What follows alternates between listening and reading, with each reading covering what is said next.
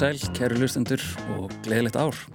Tómas Ævar Ólafsson heilsar ykkur hérna úr hljóðstofu Viðsjár þriðjudaginn annan janúar árið 2024.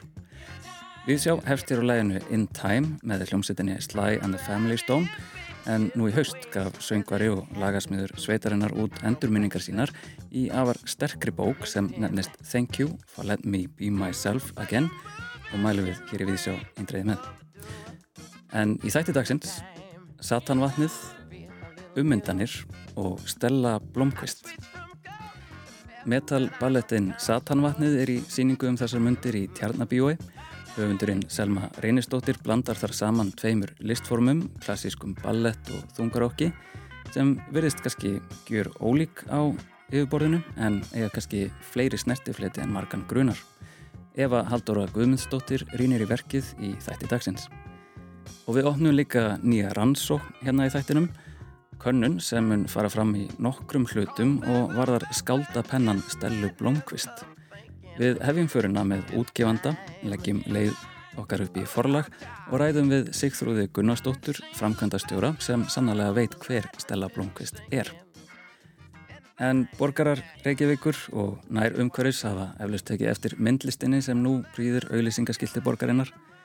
Við erum kannski hægt að förðu okkur á þessum gjörningi en það er þetta í fjóruðaskipti sem myndlist er byrt á skildunum á þessum ástíma. Hugsalega er þetta að verða eins konar nýjás hefð. Í ár byrtist á skildunum kunnuleg fyrirbæri úr tíðarandanum, skuggsjá, ofinn úr brotakendum skilabóðum, nýtum, hugljóminum og óvendum tilbóðum úr undirvitundinni.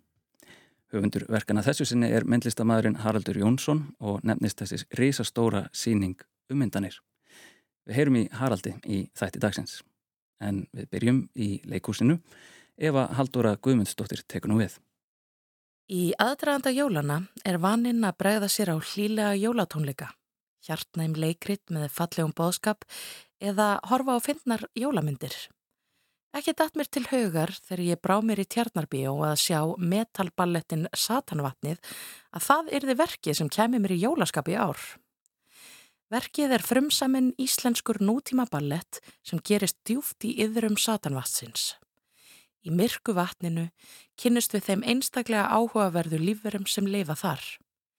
Lífið gengur sinn vana gang og við fylgjumst með þeim metalhafmejanum sem eru tólkaðar af þeim Indi Öldu Sáúta Jansani og Olivia Teresu Due Pisco kenna barnalegri og einfældningslegri stallsistur sinni sem tólkuð er af Bjartegu Elínu Högstóttur hvernig byrja að haga sér í satanvatninu.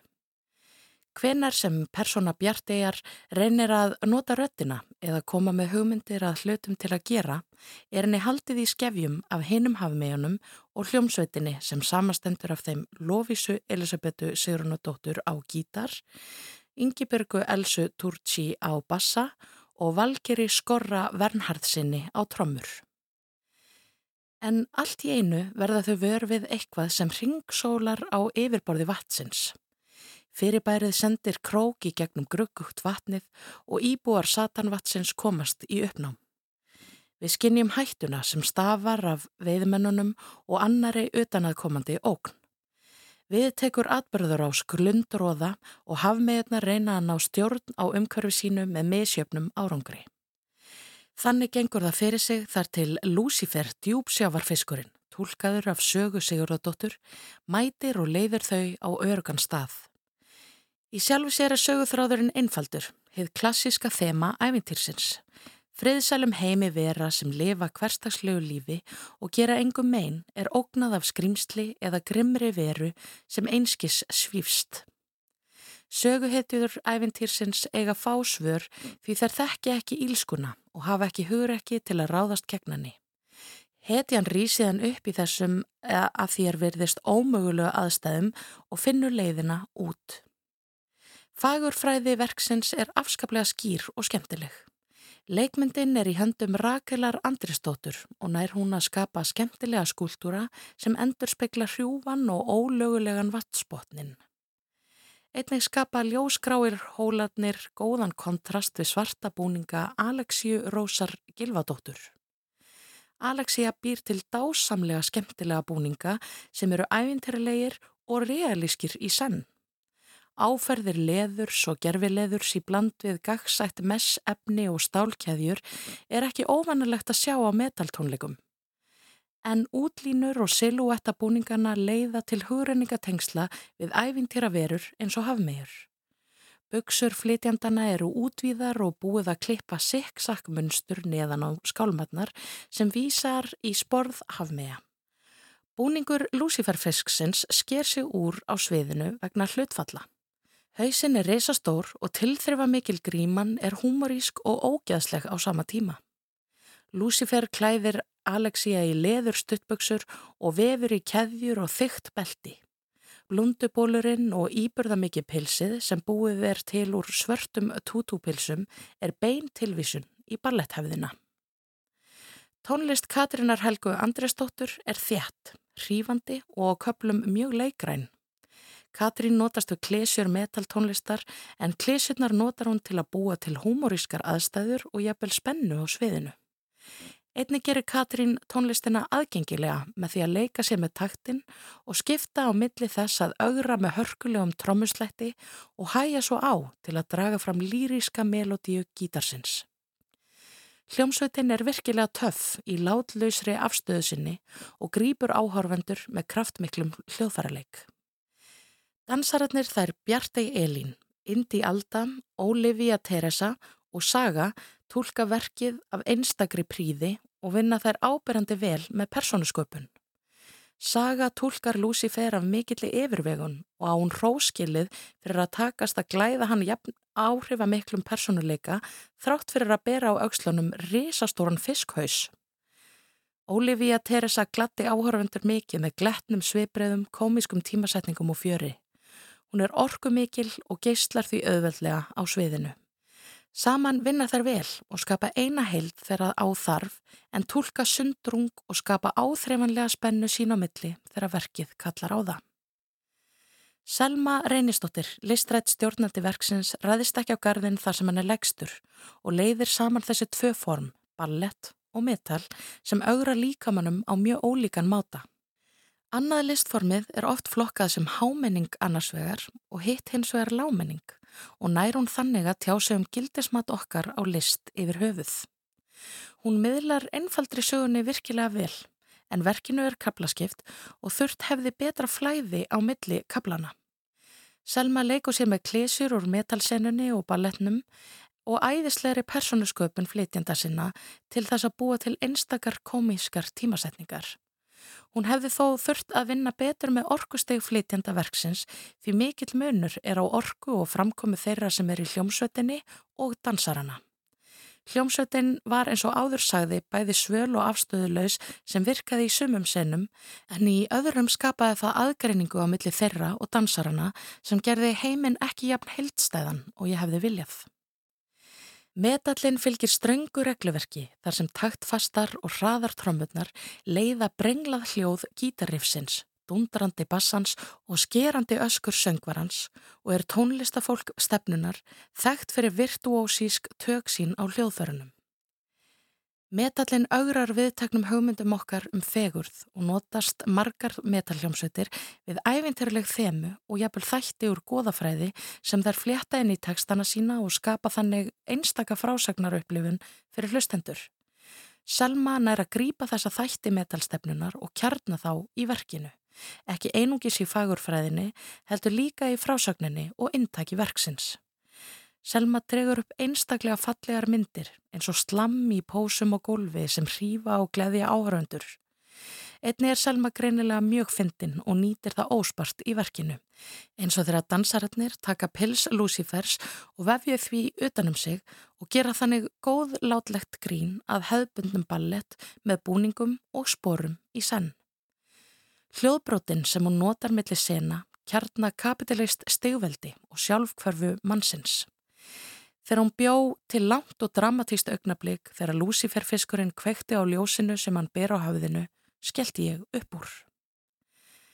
Erna Ómarsdóttir, list dansstjóri íslenska dansflokksins, hefur lengi unnið með þætti úr metaltónlist í nótgunn söngstílsins eða slamsins sem metalhausar dansa á tónleikum.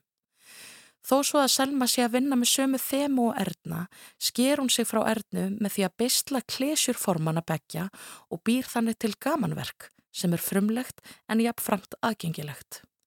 Hún nýtir sjónarhorn verana til þess að gaggrína náttúruvána og ógn við lífriki jarðar. Leikópurinn notar minni úr ævintýrum, goðafræði og séðabáðskap vestræns samfélags og fjallar um innra eðli manneskjunar og eigðileggingamátt hennar. Að horfa á þetta bráðfindna en jafnframt hjartnamaverk þar sem verur satanvatsins vinna bug á ógnum mannskefnunar og standa eftir hnarreistar komir svo sannarlega í jólafíling. Það var Eva Haldóra Guðmundsdóttir sem sæði hér frá Satanvatninu sem er í síningu í Tjarnabíó nú í januar. Þá hugum við að myndlist, einn stærsta myndlistasíning ársins, byrtist nú fyrsta, annan og þriðja januar á auðlýsingaskiltum borgarinnar. Verkefni þetta nefnist auðlýsingar hlje og er samstarf Billboard EHF, Ufsulón Gallerís og Listasaps Reykjavíkur. Sýningin sem nú stendur yfir nefnist Ummyndanir og er úr smiðju Haralds Jónssonar, myndlistamanns.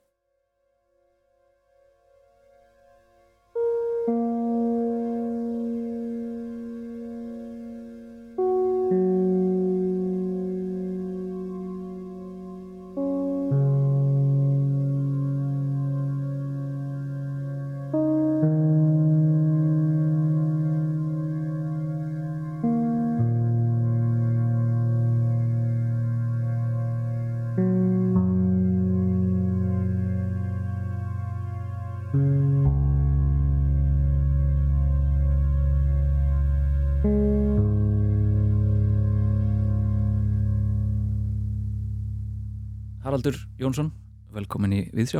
Takk.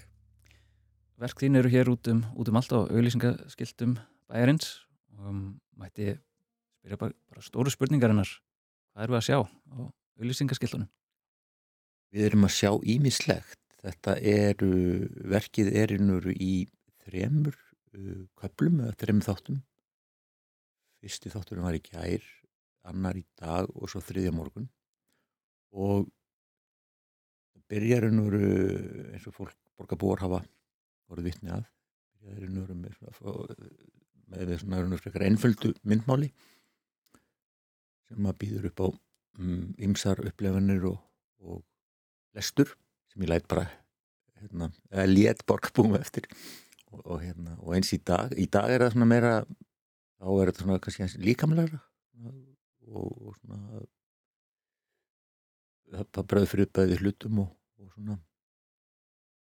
lögum og, og framandi hlutum úr efniseiminum og síðan á morgun þá hérna verður þetta aftur svona óhlutbundnara já svona loka þáttur og uh, hvernig svona byrjar þetta verk og, og endar þessu umsóknarferli?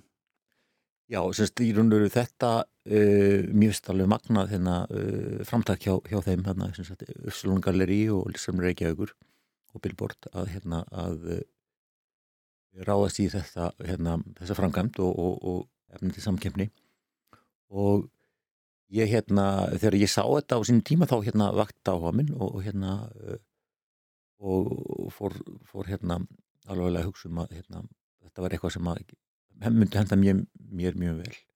Að, hérna, ég myndi verið mikið að vinna með þessi svona þessa þætti ljós og, og myrkur.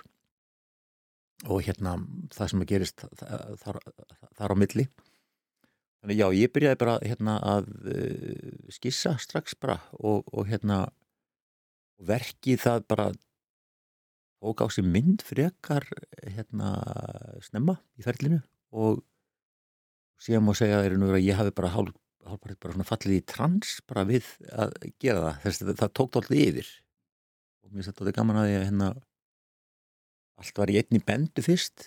Þessir þrý, þá var ég ekki búin að sagt, greina það í þrjá, þrjá þætti eða þrjá kapla sem ég gerir á setni, stegum en, en, en hérna en það kom bara til mín myndir bara, bara á stöðut bara hérna á ekki að færi bandi en, hérna, en svona hérna virtust fyrir hérna hug, hugskott sjónunum mm. en, en já, svo verðum við stundum hugsa til sko, og mér fannst það kannski fara að verða óskýrt í þessari síningu um myndanir eh, hvort þetta sé einmitt einn risastór síningaverkum eða hvort þetta sé í rauninni orðið eitt stórt verk því þau tala það mikið saman og það er ákveðið áframhald alltaf. Eh, það er eins og maður sé eitthvað svona söguþræði. Maður sér nýtt og nýtt verk eh, hvernig sér þetta sem stóra síningu eða er þetta bara eitt verk? Já, mjög góð spurning. Hérna ég sé þetta sem sem eitt verk í þremu köplum en, en nákvæmlega þessi, þessi hérna vangavelta að ég, ég hugsaði um sko þegar ég var að vinna verkið sko, uh, ég er búin að vera að ferast alltaf með Európununa undan fyrir vikur og, og fór í kirkjur meðal hann svona hérna, fór, fór ekki neins söfn nema bara svona hérna, hérna, sögursöfn og, og, hérna, og þá sá ég allt í hennu fyrir mér einmitt hérna, uh, svona, þessa, þessi ölskildi sem stenda glugga eða alltæðistöflur og já, ég myndi segja að verkið er uh, auðvitað þetta síning sem stendur í, stendur í þrjá sólaringa en þetta myndar eina, eina held þremur, þremur þáttum. Ekki ósvipa bara á alltæðistöfla og, og, og svo hans með svo magnað að hérna það er margt sem leynist í tungumálunu og meðal hans þessi samsláttur sem sagt eh, í ennskumælandi heimi og, og, og hennum latneska forver, forveri hans er, eru tveir bókstafir. Þessi stafurinn A og stafurinn D. Sem sagt eh, sem þú ansar sagt í, hérna, í kristnin er það anno domini sagt, eh, eftir krist. Svo erum við með þetta semst í, í hérna í ennsku AT sem stytting fyrir sko merkjum nýju auglýsing. Og, og mér fannst þetta náttúrulega algjör þetta var svona eina af þessum hug, hugljómunum að hérna þessi, þessi auglýsingaskildi er náttúrulega þetta er náttúrulega bara alltaf í stöflur sem að hérna við hérna horfum upp á bara sem sagt við sögurum bæinn. Og hérna þannig, jú, þannig að þetta eru nöru þetta eru svona, hvað maður að segja svona massívar, bara massífi skúltúrar, svona ljósa skúltúrar sem eru, sem sagt, hérna er ekki hinn hin, hin, himneska eh, guðlega byrta sem að stafa frá þeim, heldur svona heldur svona lett skjáur eða hvað þetta er sem, hérna, sem er að selja okkur eitthvað. En hérna en, en sem sagt, hérna kannski grunnhumdin er svo sama. Það er hérna sagt, hinn, hinn guð, annars vegar hinn guðlegi áttur og, og, og síðan hins vegar hinn ósynilega hönd markaðar eins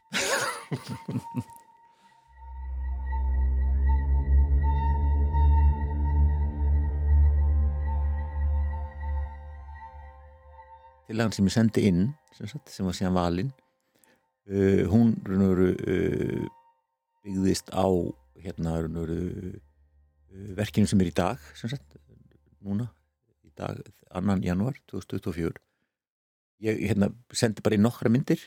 Þá sagt, uh, kynnti verki sem svona skuggsjá. Eða svona, svona glugga eða gátt inn í, í milli heima. Og, og tók það fram með þannig í að því að myndinar eru mun fleiri. Og ég var ekki búin að búið það all til að það var ekki búin að byrtast mér. Og síðan bara fer ég hérna sérst ég bara niður og, og myndin það byrja bara að streyma til mín og, og hérna og það, ég hugsaði þetta alveg frá upphafi sem þetta var mjög merkilegt merkilegt reynsla og hérna og líka vinna á þessum vettfangi sko að hérna að e, það var svona daldið svona, svona kvik, kvikmynd. Eða þú veist ég hugsaði um sagt að erði erðurinn eru sko myndina erðu sko eins og kvikar myndir. Það er, það, það erði sem sagt svona ein mynd, ein mynd myndi vísa þá næstu og þetta myndi mynda einhvers konar já, mynd heim sem væri á, á, á hreyfingu sem eðlilega, ég menn það, það kemur alltaf nýmynd á 8 sekundar fresti. Það var einhverja það sem að það var ekki það með vídeo sem slíkt sko, hérna, þú veist, hreyfi myndir. En, en, en ég hugsaði um að þetta er náttúrulega í sem síbreytileika og, og, og stundum eins og hérna á ákvæðun stöðum í borginu, þar eru sagt, svona, þrýr skjáir sem, sagt, sem að mynda svona þrýrning þannig að þetta verður svona skúldur ákvæðin svona, og að, þá fór ég að hugsa einmitt um að, að gera þetta og til ekki, ekki, ekki beint frásögn en, en svona, ég var að hugsa um svona þennan svona, þess að þrývít þennan tí, tíma þáttinn mm. í þessu og, og eins hérna er nú að og, og líka þá fór ég að sjá þetta fyrir sem, sem einhver svona, einhver svona spilastokk eða eitthvað sem maður er sko, eða tarotspil eða eitthvað sem maður sko, regur með auglókunum upp þegar maður lítur á sagt, skildið þá fær maður sagt, svona, þá fær maður spil. Þetta hefur náttúrulega verið talsverð vinnað að, að koma þessu eh, á sín stað. En núna þegar þetta opnaði í, í gær þessi rosalega stóra síning um allt yfir borgarsvæði hvernig, hvernig er tilfinning? Hún, já, hún er náttúrulega eh, hvað maður segja svona hérna, handan líkamanns handan reynsla og ákveðin átt. Mm -hmm. en mjög órunur líka, þess að ég hugsa náttúrulega bara um verkið og já, ég hugsa um bara um að, að hérna, skila góðu verki og hérna og gera verki náttúrulega, því ég var að vinna verki þá náttúrulega var uh, líka mjög hérna, ríkjandi hjá mér að, að gera eitthvað sem að væri sko ég hefði ekki sko fullkonlega stjórn á. Þetta var svona það væri stærra en ég þú veist það er einhvern veginn svona handan. Það er líka svona handan reynslega þeirri merkingu að þetta er svona þetta verður náttúrulega ekki ofnbjörð þú veist það er fullt af fólki sem er að sjá myndlist að það sé ekki auglýsingar á, á svona auglýsingarskildum og þannig að þú veist þetta er spurningum þú veist uh, átti að gera eitthvað svona neytendavandverk eða aðgengilegt? Þú veist, allar þessi spurningar um, um hérna, veist, neytandan og hérna og hérna þessi hugmyndunum sko neytandin hefur alltaf á rétt að standa eða þú veist, eða svona réttu neytandans og allt þetta sko, allar þessar hugmyndur um, um svona sett um, eitthvað svona aðgengi, aðgengileika. Auðvitað er það náttúrulega ákveðin, ákveðin þáttur í verkinu en, en ég hérna, var ekkert að hugsa um hann. Ég, meni, ég, ég bara gaf mér á náttúrulega algjört bara frelsi í því sem að ég var að hérna, ekki bara tók yfir. Ja. mm. og uh, ef þú kannski fæðið fara aðeins uh, aftur, aftur í tíma til gerðarsins uh, það hófst einmitt á mann ég sá fyrsta verkið það myndi mig á, á samfélagsmiðl strax þrýr punktar, hvíti punktar á svörstum bakgrunni eins og þegar einhver er að skrifa eitthvað í skilabóðskjóðu maður sér það og fer að býða eftir svarinu maður er í einhverju, einhverju millibils ástandi maður leggur síman ekki niður af því að það er álega að koma skilabóð og, og, og maður svona læsist í einhverju stöðu. Og, og svo var það kannski mér pínu vega næst inn í næstu skildi og ég fór svolítið að sjá þau sem einhvern veginn svona þessa punkta eða hólur eða ringi sem að fyrstast þarna eh, svart á kvítu og stundum eh, svart á bláu eh, sem já, emitt þær sé að stöða mann í spórunum um, eða og emitt kannski tengdar þessu svona samfélagsmiðlinum og símanum að því að símin er eins konar auðlýsingaskildi líka er ég, er ég svona á réttum slóðum eða er einhverja réttar slóðir? Nei, það er náttúrulega enga rétt, þetta er náttúrulega bara eitt svona neitt völundarhúsi við erum að svona hittum stundum hittum stundum í á gangunum en, en hérna jú algjörlega, ég, hérna þetta er mjög góð punktur, hérna ég sko ég var að vinna verkið þá það var ekki bara samfélagsmiðar, heldur líka bara ástandið í heiminum og svona já, ég, ég var svona bara gagtekin af því, af, af svo mörgu en, og auðvitað, jú, emitt hérna samfélagsmiðar eru auðlýsing það, ég, ég meina það er einlega, er þetta ekki bara algjörlega auðlýsing ég meina þú veist, þetta er svona sviðsetning eða þú veist, samfélagsmiðar eru náttúrulega bara sviðsetning á Jú, þetta eru svona bara stóri skjáir, þetta eru bara svona símar. Já. Raunur, þannig sé sko. Já. Já. En, en uh, þessi ringir eða, eða punktarhólur, um, hva, hvaðan kemur þessi ringur? Já, ringur, þetta, þetta er raunur, sko, ég unni mikið með, sem sagt, uh, eða svona kannski svona, eh, nokkri megin þættir í mínu verkum eru, sem sagt, hérna, hérna, það er náttúrulega líka minn og, og, og, og byrtu skilirið hans veist, myrkrið, myrkrið inn, innan í ánum og ljósið kringum hann og hérna og síðan sagt, uh, það, það, það, um, það tákkerfi sem hann lifir, lifir í og hærist í og, og hérna uh, já, ég hérna uh, þess, þessir punktar sem voru að tala um sko, vísar í sko, eru emitt vísa bæði í gött og eða eitthvað, já, eða eitthvað líka, svona líkamlega líkamsóp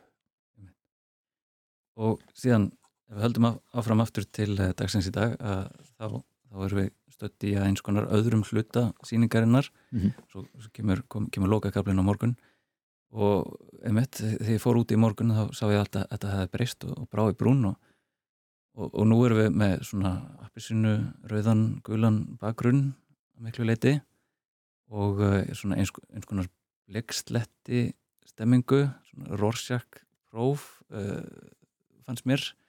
Og ég fór að svona passa upp á undir meðutundina svolítið. Ég horfði á þetta að þarna væri, að, farin að ganga svolítið langt inn í, inn í hugsunum mína og, sá þannig að skemmtilega hugruningatengsli í mörgu um, eh, mætti ég spyrja bara hvaðan, hvaðan komaði þessu form og, og hérna, hvert stefnum við í dag Já, já. Sko, já formin þau koma eru nú eru uh, á tímabili sko langaði mér nú eru, ég byrjaði alltaf þau er nú eru bara ætti sín að reykja til bara auðlýsinga og, og hérna og okkur tímabili langaði maður að taka allar auðlýsingar síðast árs bara og búa til úr þeim hérna verkið. Sem sagt, eh, bara sem svona skuggamyndum. Mm. svona einhver svona einhver platónsk stemni svona hérna skugga hérna frumyndakenningun sko. Eða þú veist bara hérna, við verðum bara inn í hellinum sko. Mm. En, en svo fór, tók það svona um, umbreytingum um, ummyndaðist það.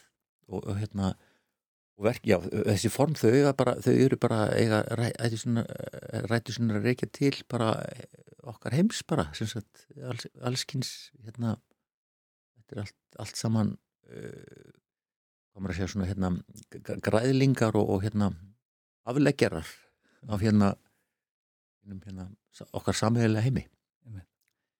Og, og þetta finnst, fannst mér líka að vísa svolítið í einmitt þín fyrir verk. Þú átt svolítið að verkum sem taka svolítið svona einfalda nálgun kannski á form eða, eða, eða fyrirbæri sem er mjög kunnuleg uh, línur og, og sérstaklega sem að kannski orð oft sem fara í kunnulega stellingar en er ekki alveg kannski það sem það er og, og maður þarf svolítið að treysta á sjónleysi eða svona sína reyntengingar og, og, og já, þú, og kannski farangur er, er þar ákveðin, orð sem að kemur oftar ofta til mín allavega að ég, ég hef svolítið minn farangur þegar ég stend fyrir fram að verkið eh, er það ákveðið svona líkilstef hjá þér að, tala við farangur fólks?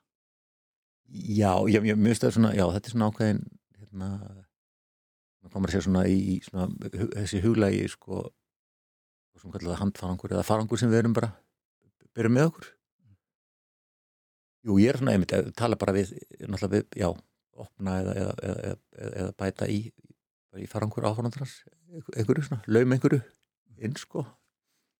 Ég er að velta, já, ég er að velta upp sko, hérna, öðrum flutum á, á, á kunnilegum fyrirbærum, jú, jú, algjörlega.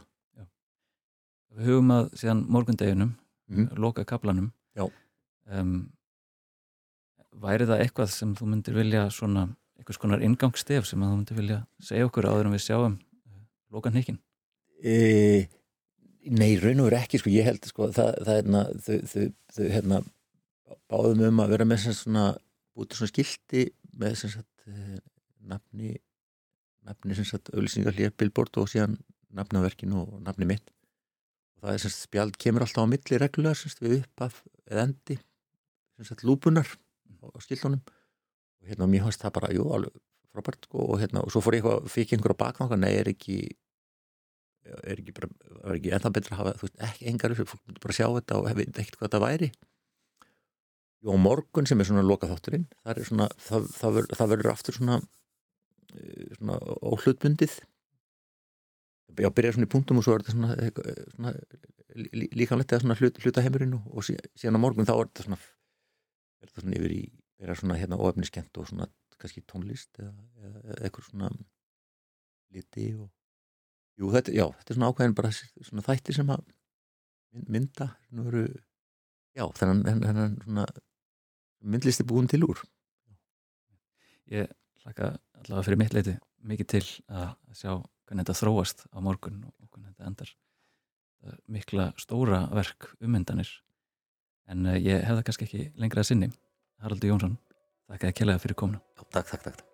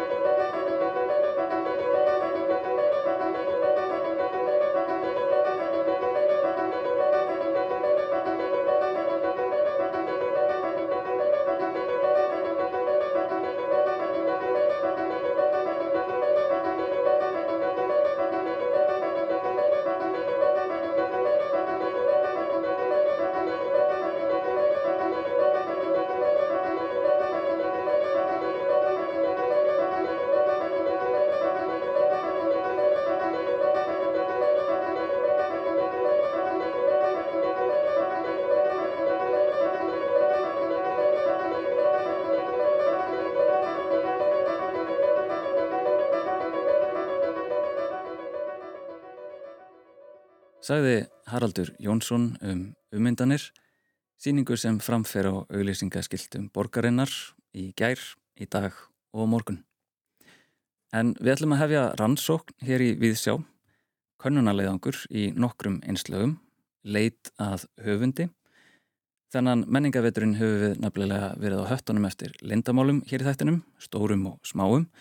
Í haust fengum við að heyra mörg smá úr listaverkefninu Vending Machine og sviðsverkefninu Lindamál eftir dansöfundin Ásrúnu Magnúsdóttir. En einnig fengum við að kíkja á blaðsögur bókarinnar Böggla Poststofan eftir Braga Ólafsson sem var gefin út í afar takmörkuðu upplægi og heyrðum síðan allt sem við máttum heyra um bókina As My Brow Brushes on the Tunics of Angels or The Drop Tower, The Roller Coaster, The Whirling Cups and Other Instruments of Worship from the Post-Industrial Age bók sem Sjón skrifaði fyrir leindamála bókasafnið Future Library í Oslo. En í dag ætlum við að gaumgæfa eitt stæsta skaldana Íslands, Stellu Blomqvist. Við hefjum rannsókn okkar á lestri.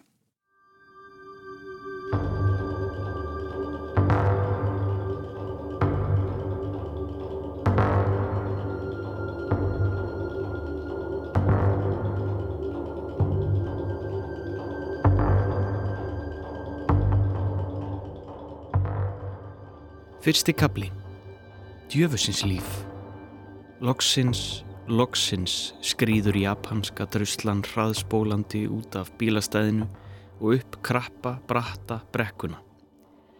Þessa sér smíðuðu hálkubraut sem eitthvað speskvikindið hefur öruglega grætt miljónir á að búa til. Sjálf er ég orðin alveg spólvittlus. Lem nefonum í stýrið sem svegnar undan höggunum og skammast á fullu út í veðurskeppnuna skavarana sem aldrei hreinsa þessa götu fyrir en allt of seint og pólitísku gangsterana sem stjórna öllu klappinu. Og svo auðvitað út í strákskrattan fyrir að láta svartstakkana hyrða sig og ringja svo í mig eldsnemma á sunnudagsmórni. Í þessum líka fúla anskota, djöfulsins pungstappan. Jáfnvel orða flaumurinn er á móti mér. Breytist í gufu sem styrtnar á framrúðunni í frostinu. Miðstöðin gagnar lítið. Rétt svo andvarpar á ísin. Ég reyni að þurka hrímið innan af framrúðunni með svörtum prjónavellingum. Það kemur óðar aftur. Djöfull stjöfull. Veikburða týst rýs allt í einu upp úr niðamirkri gamalla minninga. Stella þó. Ekki segja ljótt. Það er svo ókvennlegt, sagði mamma. Fáir er á ferli á gödunum. Uðvita. Engin er nógu vittlust til að fara út í þannan skratta nema ég. Vindbarðir, snjóruðningar tegja sig upp yfir bílinn, skítugir og hrjúfir eins og hrundar hallir í rústlöndum út í heimi. Hálf molnaðir virkisveggir eftir skafara og ítukalla. Bandvittlus snjókoma eða brunagattur, þannig hafði það verið vikum saman. Djöfuls rugg að hanga hérna á klakanum. Ég átti að vera löngu farin til Kanari eða Flórida, í sólina, sandin og sætbrúnu fólana, rennilegu söðrænu fólana.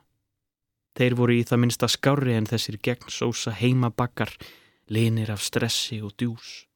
Næturgagni mitt vildi frekar súpa á bakka gamla en mér. Fjall tvíveis í svefn við hálnað verk eins og náttúruleus gamlingi. Vaknaði þó aftur eftir nokkra vangaskelli, ræfilstuskan. Það sopnar enginn á mér án leifis. Hann rumskaði ekki eins og þegar síminn fór að ringja í morgun. Engin tillitsemi lengur. Ég tók um eirun og reyndi að loka fyrir heilaselvunar. En síminn held áfram að ringja. Og ringja. Eins og bandóður timpurmaður í bónus. Það var óþólandi tortúr. Loks gafst ég upp á flóttanum frá háaðanum, ítti fólanum af bjargbrúninni, velti mér fram yfir rúmstokkin og greip fast um tólið, símtólið. Það var Raggi, einn af prúðupiltónum í rannsók.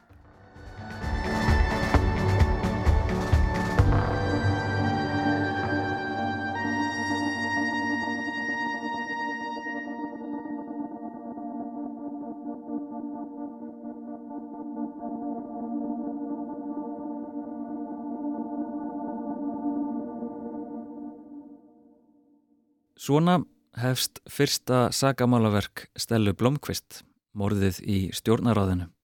Og svona hefst jáframt ferill Stellu Blomqvist sem hefur verið afar farsætli í íslenskum bókmyndum síðastleina áratögi. Svo farsætl að unnar hafa verið tvær fremur vinsælar sjónvanstáttaræður upp úr bókunum. Í gegnum árin hafa komið fram margar kenningar um hver sé á bakvið pennan. Margir telja sig vita það en eiginlega ja, marga greinir á. Til að opna öskjuna, rifja upp söguna og komast kannski einu skrefi nær höfundunum dölúlega, gerði ég mér ferð upp í forlag og hitti framkvæmdastjóran Sigþrúði Gunnarsdóttur sem hlítur að vita hver Stella Blomqvist er og fekk að spyrja hana þessar stóru spurningar. Hver er Stella Blomqvist? Stella Blomqvist er Stella Blomqvist. Ég held að það sé besta svarið.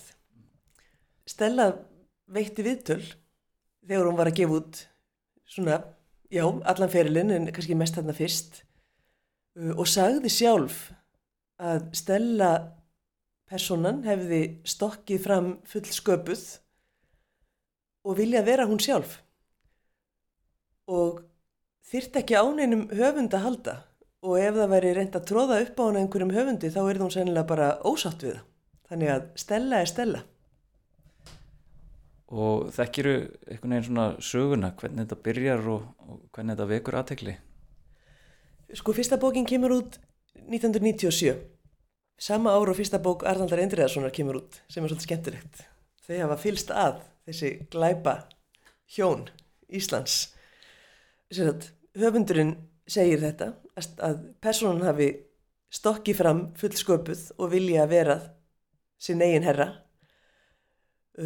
leggur til við þáverandi útgáfustjóra Málsamenningar Haldur Guðmundsson að bókin komi út undir höfundarnafni Stelu Blomqvist sem er samþygt, ég veit ekki hvort að það þurfti einhverjar fortölur en ég veit að, að því það hefur komið fram í viðtölum að Haldur mun hafa sagt að já, já, þetta, þetta lendarmál helst í þrjá mánuði. En hér erum við sem sagt næstum 30 árum síðar. Og uh, hvernig er þessu síðan tekið? Er tekið strax eftir þessu eða þurfti þetta eitthvað tíma til að byggjast upp? Sko þetta vakti mikla aðtegli og, og mikið umtal. Það var rosalega mikið talað um hver væri Stella Blomqvist uh, þarna fyrstu árin. Strax náttúrulega þegar fyrsta bókin kemur út, svo kemur önnu bókin út 2000 uh, og það, öll þessi fyrstu ár er rosalega lífleg umræða um hver Stella sé og svakalega margar tilgátur settar fram. Mér finnst eins og núna setni árin sé kannski minni, minna svona föss í kringum þetta. Kannski er fólk bara farið að, að samþykja að Stella sé Stella. Hún er búin að sanna sig, 13 bækur, en þetta, já, það, það, í gegnum tíðin að hafa gósið upp tilgátur og umræður og það finnum maður bara með því að googla og þá finnum maður ótrúlegustu nöfn sem hafa verið tengt við nafn Stellu. Hún hlýtur eiginlega að vera karlmaður, eða ekki? Sko, þetta er svolítið skemmtilegt. Þetta strax bara í upphafi, þá komu fram tilgátur um að, að þetta væri karlmaður sem leindist á bakvið Stellu nafnið. Sem að mér finnst svolítið merkilegt. Ég las fyrstu bókina núna upp og nýtt og Stella er, sko, skemmtilega sköpuð kona, ofbóstlega feminísk og það er gaman að vita hvernig hún hafi sko talað inn í sína samtíð þarna 97. En af þeim nöfnum, að því nú grúskaði ég svolítið fyrir þetta og gróf upp þessi nöfn sem hafi verið nefnd. Uh, og það eru alveg hérna skáldkonur, Þórun Valdimarsdóttir, Gerður Kristni, Auður Haralds, Guðni Halldórsdóttir, Súsanna Svavarsdóttir. Hafa verið nefndar en miklu fleiri kallmannsnöfn sem er gíska á Haldur Guðmundsson, útgáfustjóran Tít nefnda sem að, þú veist, hann væri ekki fyrsti útgefandin til að skrifa undir tullefni. Davíð Oddsson hefur verið nefndur, Stefán Jón Hafstein, Óskar Magnússon, kannski út af því að Stell er upptikinn af valdinu, hún er upptikinn af stjórnkerfinu og pólitíkinni og, og svona gaggrínin á spillingu og innan kerfisins. Uh, og síðan sko höfundar, Steinar Bræi, Stefán Máni, Átni Þórarinsson, Guðbjörgur Bergson sem ég vist mjög áhugaverð tilgáta, Þráin Bertelsson, Þorgrymur Þráinsson er mjög oft nefndur, um, Arnaldur Indriðarsson sem myndi gera hann að einhvers konar ofurmenni því að hann er búin að vera með bók á ári síðan 97. Uh, áhugaverðast til að hann sem ég sá var Issafjöld Gilvadóttir sem var 15 ára þegar fyrsta bókin kom út en ég menna bráð gáði stúlka þannig að alls ekki útilokað. Uh, ég hafði samt eiginlega mest gaman af það var blogg uh, Ástu S. Guðbjartsdóttur, uh, talandum leinipersonur, uh, sem að hafði lagst yfir félagatal Rittuvendarsambansins og fundið út hverjir voru ekki með bók árin sem Stella var með bók uh, og nefndi nokkur nöfn og, og mörg þeirra voru hérna í upptalningunu á, á undan. En síðan laðist hún í sko nafna, reyna að finna hvort að gátan leindist í nafni Stellu. Það er að í upphafstöfunum SB og giskaði á snjólegu bragadóttur sem ég finnst bara bísna góð tilgáta. Kona sem skrifaði mikið var snjöll og orðheppin uh, en hættir síðan að skrifa þannig að ég seti þetta út í kosmosið. Þetta er ekki frá mér, þetta er frá ástu. Já, takk fyrir. Þau pælum með því. En uh, nú, nú ertu orðin framkvæmdastjóri fórlæsins, þú ert búin að vera hér rítstjóri til margra ára. Hafa komið upp svona, hefur leindamölu næstu komist upp eitthvað tíman? Hefur þetta, hefur rétt nafn komið fram og svo, svo fjarað út eða hefur þið séð þetta fara á flakk? Ég held þetta er langur tími sem er liðin og það eru margir hérna, sem hafa á einhverju skeiði komið nálagt bókum stelu. Ég held að séu býstna margir sem hafa heyrt nafnið hvort sem það hefur verið sagt við þá með fullri vissu eða ekki. En ég held okkur þykir bara svolítið vænt um lindina eða, eða dölúðina sem fælst í því að, að vita ekki.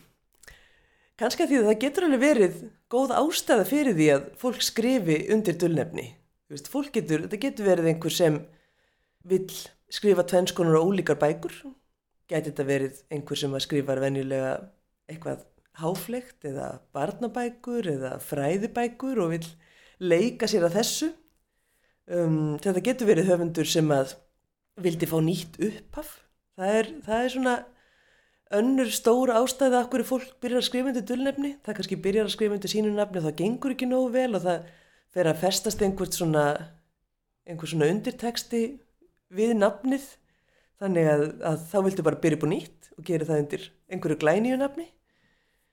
Nú þetta getur verið einhver sem bara getur ekki notað nafni sitt á skaldskap uh, vegna þess að það er bara uh, fast við eitthvað annað Ég nefni, þú veist, gæti þetta verið Guðrún Erlendstóttir, lögfræðingur og fyrirverandi fórseti hæstaréttar. Hún hefði þekkinguna. Um, gæti þetta verið Vigdís Fimboadóttir. Mjög öllum hnútum kunnu í, í valdakerfinu og stjórnmálunum. Þú veist, þetta getur verið konu sem að, gæti, sem að hérna, starfa sína vegna hefðu alls ekki geta gefið út glæpasugur á þessum tíma. Þannig að það eru ímsar ástæður, sko. En, en já, kannski svona stóra spurningin, hefur nafnið eitthvað tíman komist í umræðina svo þú veitir? Nafnið hefur verið nefnt ofnbærlega, já. Já, hér, það, það er spennandi. Um, ég fór svolítið að velta fyrir mér hérna að því þú segir það, nú ertu búin að segja að nafnið hafi vissulega verið nefnt, en nú ertu búin að segja að personan hafi komið, að höfundurinn hafi komið fullskapaður til þess sem er á bakvið pennan og bara vilja vera hún sjálf og uh, ekki vilja einmitt festa sig við einhvern höfund og, og þá fór ég svona velta fyrir mig að þegar forlög hafa gert þetta þau hafa fundið upp höfund og svo ráðið svona draugapenna til þess að skrifa er einhver möguleiki að Stella geti verið þannig eða orðið þannig síðar? Sko þegar Stella er annars vegar þá er allt mögulegt held ég. Stella heldur sjálf öllu opnu hún getur hérna farið eftir lögunum eða á svigvilögin og hún hérna, er, er til í hvað sem er. Þannig að í andastellu þá segi ég ekkert sér útilokað. Og kannski síðasta uh, þegar að sjónvarpsserían var uh, framleitt uh, og hún var, þegar hún var í skrifum, hafði Stella þá eitthvað um það að segja eða var maður jafnvel með í að skrifa þættina? Sko nú bara þekk ég það ekki. Uh, ég gæti trúað að hún hafi bara látið að vera. Margir höfundar kjósa að gera það, þetta er náttúrulega allt öðruvísi miðill.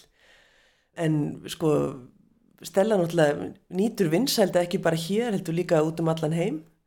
Og eitt af því sem að, e, e, einn af göllunum sem fylgir því að fela sig á baku dullnefni er að geta ekki tekið þátt í alls konar uh, fyrirbærum sem að höfundar gera alla jafna. Stella fór aldrei á noir hátíð.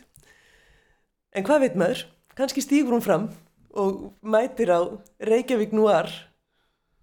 Næst ári hver veit? Sýður takk ég alveg fyrir spjallin Takk sem leiðis